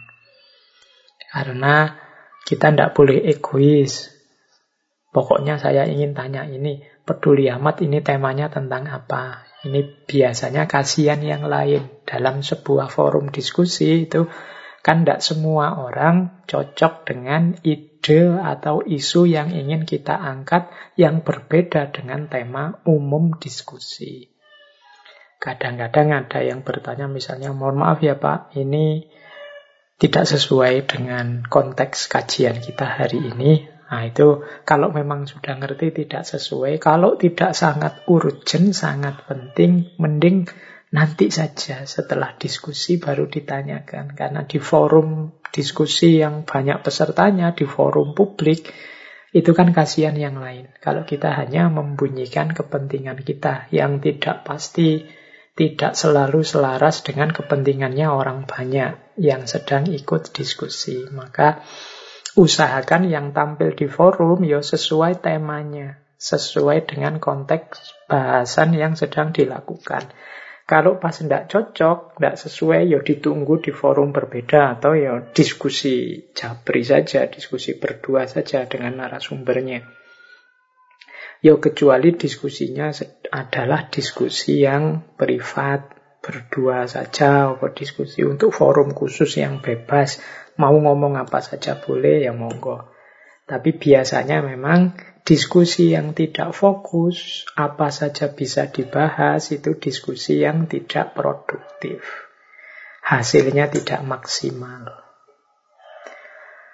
Kemudian, ya nomor 6 ini tentang akhlak. Yo bertanyanya secara sopan menghargai pandangan orang lain. Jadi kita bertanya itu kan untuk mencari informasi, untuk mendalami pengetahuan. Oleh karena itu ya harus kita hargai orang yang kita beri pertanyaan. Kalau bertanya yang sopan. Bahkan seandainya responnya tidak seperti yang kita inginkan. Misalnya jawabannya kok tidak nyambung, ya bertanya lagi saja tanpa harus merendahkan. Tetap dengan cara yang sopan. Bahkan mungkin seandainya meskipun ini tidak terpuji, misalnya yang ditanya itu gayane nyelekit, menyakitkan hati misalnya. Ditanya baik-baik jawabannya misalnya, ah, dasar engkau orang bodoh, dasar engkau tidak pernah dengarkan kajian, tidak pernah baca buku. Ini kan jawabannya nyelekit. Harusnya ya tidak boleh seperti itu. Tapi ya kita jangan membalas dengan hal yang sama. Dia membuat kita nyelekit, terus kita balasnya juga membuat dia nyelekit juga, membuat dia sakit juga. Enggak. Ya kalau gitu kita sama-sama jeleknya dengan beliau. Jadi yang baik saja yang kita keluarkan karena kita orang baik yang sopan yang kita tampilkan karena kita orang sopan. Kita hargai apa pun situasi dan kondisinya beliau. Jadi tidak kemudian kalau dia ngomong jelek kita balas jelek. Dasar engkau bodoh. Nanti dikasih silahkan ada respon balik. Terus kita bilang bapak juga lebih bodoh dari saya. Masa ah bodoh wae gegeran nanti akhirnya. Jadi ya sudah kadang-kadang ketika responnya tidak memuaskan atau jawabannya nyelekit ada saatnya kita ya sudah berarti beliau mungkin tidak berkenan dengan pertanyaan saya atau mungkin beliau belum siap untuk menjawab. Ya sudah dihentikan saja tidak usah dilanjutkan itu menurut saya sikap yang bijaksana. Jadi jangan sampai forum keilmuan yang mulia berubah jadi forum saling menjelekkan, saling menjatuhkan. Harusnya rahmat Allah yang datang, akhirnya malah laknat. Isinya konflik dan permusuhan saja. Nah, ini masalah menurut saya. Jadi kalau memang ada indikasi, wah ini diskusinya tidak produktif lagi, tidak rasional lagi, sudah emosional. Dihentikan saja. Apalagi yang teman-teman mungkin jadi moderator atau yang ngatur diskusi atau MC-nya boleh. Kalau arahnya diskusi sudah tidak sehat, wah ini sudah emosional. Kalimat-kalimat tidak patut sudah keluar. Kebun binatangnya muncul semua, ya sudah dihentikan saja pembahasan diskusinya, ganti tema atau diskusinya diakhiri.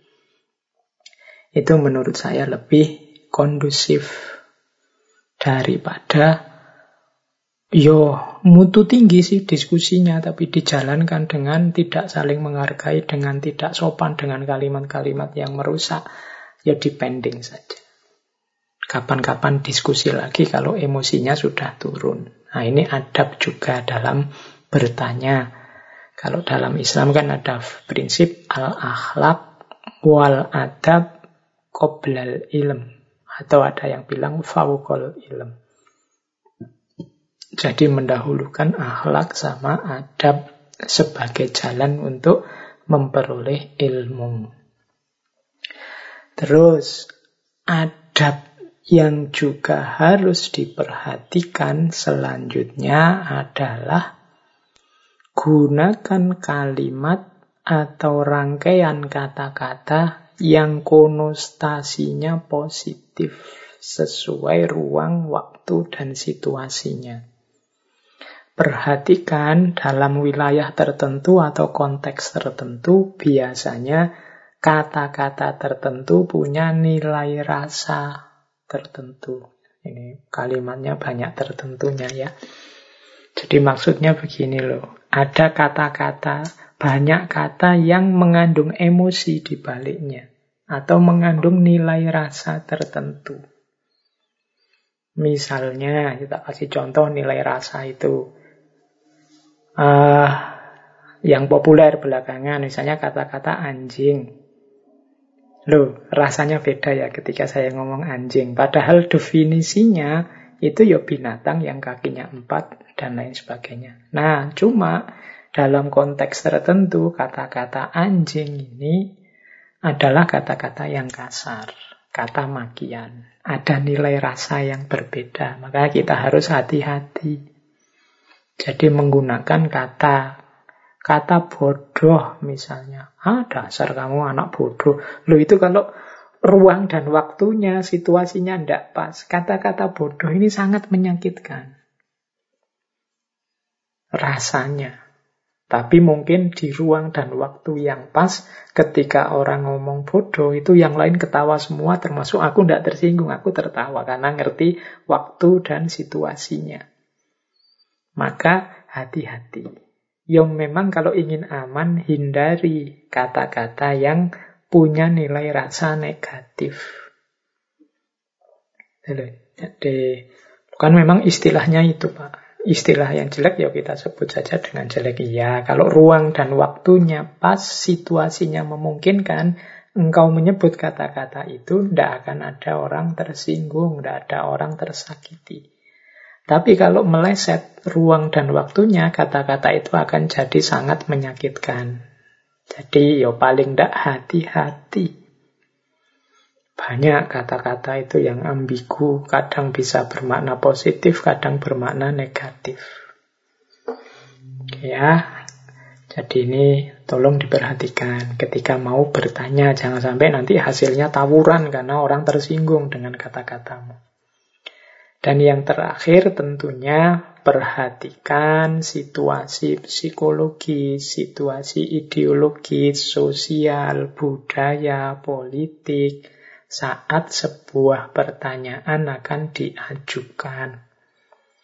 Ya psikologis itu misalnya ya kalau ini sudah tiga jam lebih ini kita seminar diskusi ada pertanyaan penting yang harus saya ajukan, tapi kok yo ya kasihan ya forumnya mungkin sudah capek. Kapan-kapan lah kalau ada forum lagi saya tanyakan, ndak usah sekarang. Nah, ini namanya peduli dengan situasi. Ini saya ada pertanyaan penting sekali, tapi kalau saya ajukan, kemungkinan ini orangnya ndak berkenan karena ideologinya berbeda. Saya tahu beliau ini alirannya ini. Nanti kalau saya tanyakan ini, apalagi secara publik bisa tersinggung. Mungkin ya kalau memang penting harus saya tanyakan nantilah di ranah privat, tidak di ranah publik seperti ini. Nah, ini namanya bijaksana, ngerti situasi. Wah, ini situasinya sedang rame, sedang sensitif. Tema-tema semacam ini kalau diangkat hanya nambah masalah saja seperti menyiram minyak ke atas api, tambah terbakar. Tidak ada manfaatnya sama sekali selain tambah rusuh. Kalau gitu aku ndak usah tanya, nggak usah tak ungkap yang ini. Kapan-kapan saja kalau waktunya pas. Nah ini juga salah satu adabnya bertanya. Jadi ini menuntut dengan sangat kebijaksanaan kita. Oke, teman-teman ya. Jadi malam hari ini paling tidak sedikit banyak kita belajar bagaimana cara bertanya yang baik, kemudian juga bagaimana adabnya bertanya yang terpuji. Yo detail teknik bertanya yo macam-macam teorinya banyak, tapi paling tidak menurut saya pelajaran besar dari malam hari ini bagi teman-teman yang ingin berfilsafat. Berfilsafat itu berarti tidak sekedar menghafalkan teori-teorinya para filosof, para tokoh, tidak sekedar mengutip quotes-nya para ulama, tapi juga kita bisa memproduksi gagasan-gagasan yang mulia, yang terpuji, yang original. Ya kita pertama-tama memang harus siap bertanya. Harus bersemangat untuk mempertanyakan. Sehingga nanti lahir gagasan-gagasan baru yang original. Ya tentunya yang nanti akan kita jalani, akan kita jalankan dengan cara-cara yang baik dan tepat. Oke, saya kira itu ya teman-teman untuk malam hari ini. Semoga tidak terlalu berat ini materinya, murni materi kampus ini sebenarnya. Yang kuliah logika atau kuliah tentang berpikir kritis, materi tentang pertanyaan ini pasti ada. Nanti mungkin di ranah psikologi ada lagi metode-metode bertanya yang sesuai dengan psikologinya manusia. Kemudian nanti kalau teman-teman ada tes-tes IQ, tes TPA, itu kan jenis-jenis pertanyaan juga. Itu biasanya dikaji di kampus-kampus. Tapi paling tidak malam hari ini kita punya semangat bertanya karena dasarnya orang berfilsafat itu ya awalnya dari keingintahuan-keingintahuan. Nah, keingintahuan itu penerjemahannya adalah bertanya. Oke, sesi malam ini saya tutup dengan satu quotes yang menurut saya bagus tentang bertanya, yaitu mistakes might not give you answer, but They give you question for a greater answer. Kesalahan-kesalahan menjawab mungkin tidak memberimu jawaban, tetapi memberimu pertanyaan-pertanyaan menuju jawaban yang lebih besar. Jadi ini Terakhir, mungkin dalam latihan kita membuat pertanyaan, mengejar jawaban, kita melakukan kesalahan-kesalahan. Jawabannya mungkin tidak begitu. Jawabannya mungkin tidak seperti itu. Tapi tidak usah putus asa. Kesalahan-kesalahan yang kita lakukan itu justru akan melahirkan pertanyaan-pertanyaan baru menuju jawaban-jawaban yang lebih besar, lebih dalam. Jangan takut salah, berusaha terus, bertanyalah tanpa henti, bertanya lagi, bertanya lagi, kejar jawabannya semampumu, Salah juga tidak apa-apa asal engkau sadar dan bertanya lagi, bertanya lagi. Insya Allah nanti akan dapat jawaban lebih dalam, jawaban lebih luas, jawaban lebih tepat. Baik, saya kira itu teman-teman sesi kajian kita malam hari ini. Minggu depan kita lanjutkan lagi di tema debat yang baik. Ini melanjutkan bertanya, besok kita membahas cara debat yang baik. Saya akhiri sekian, kurang lebihnya mohon maaf. Wallahul muwafiq, wallahu a'lam bisawab. Wassalamualaikum warahmatullahi wabarakatuh.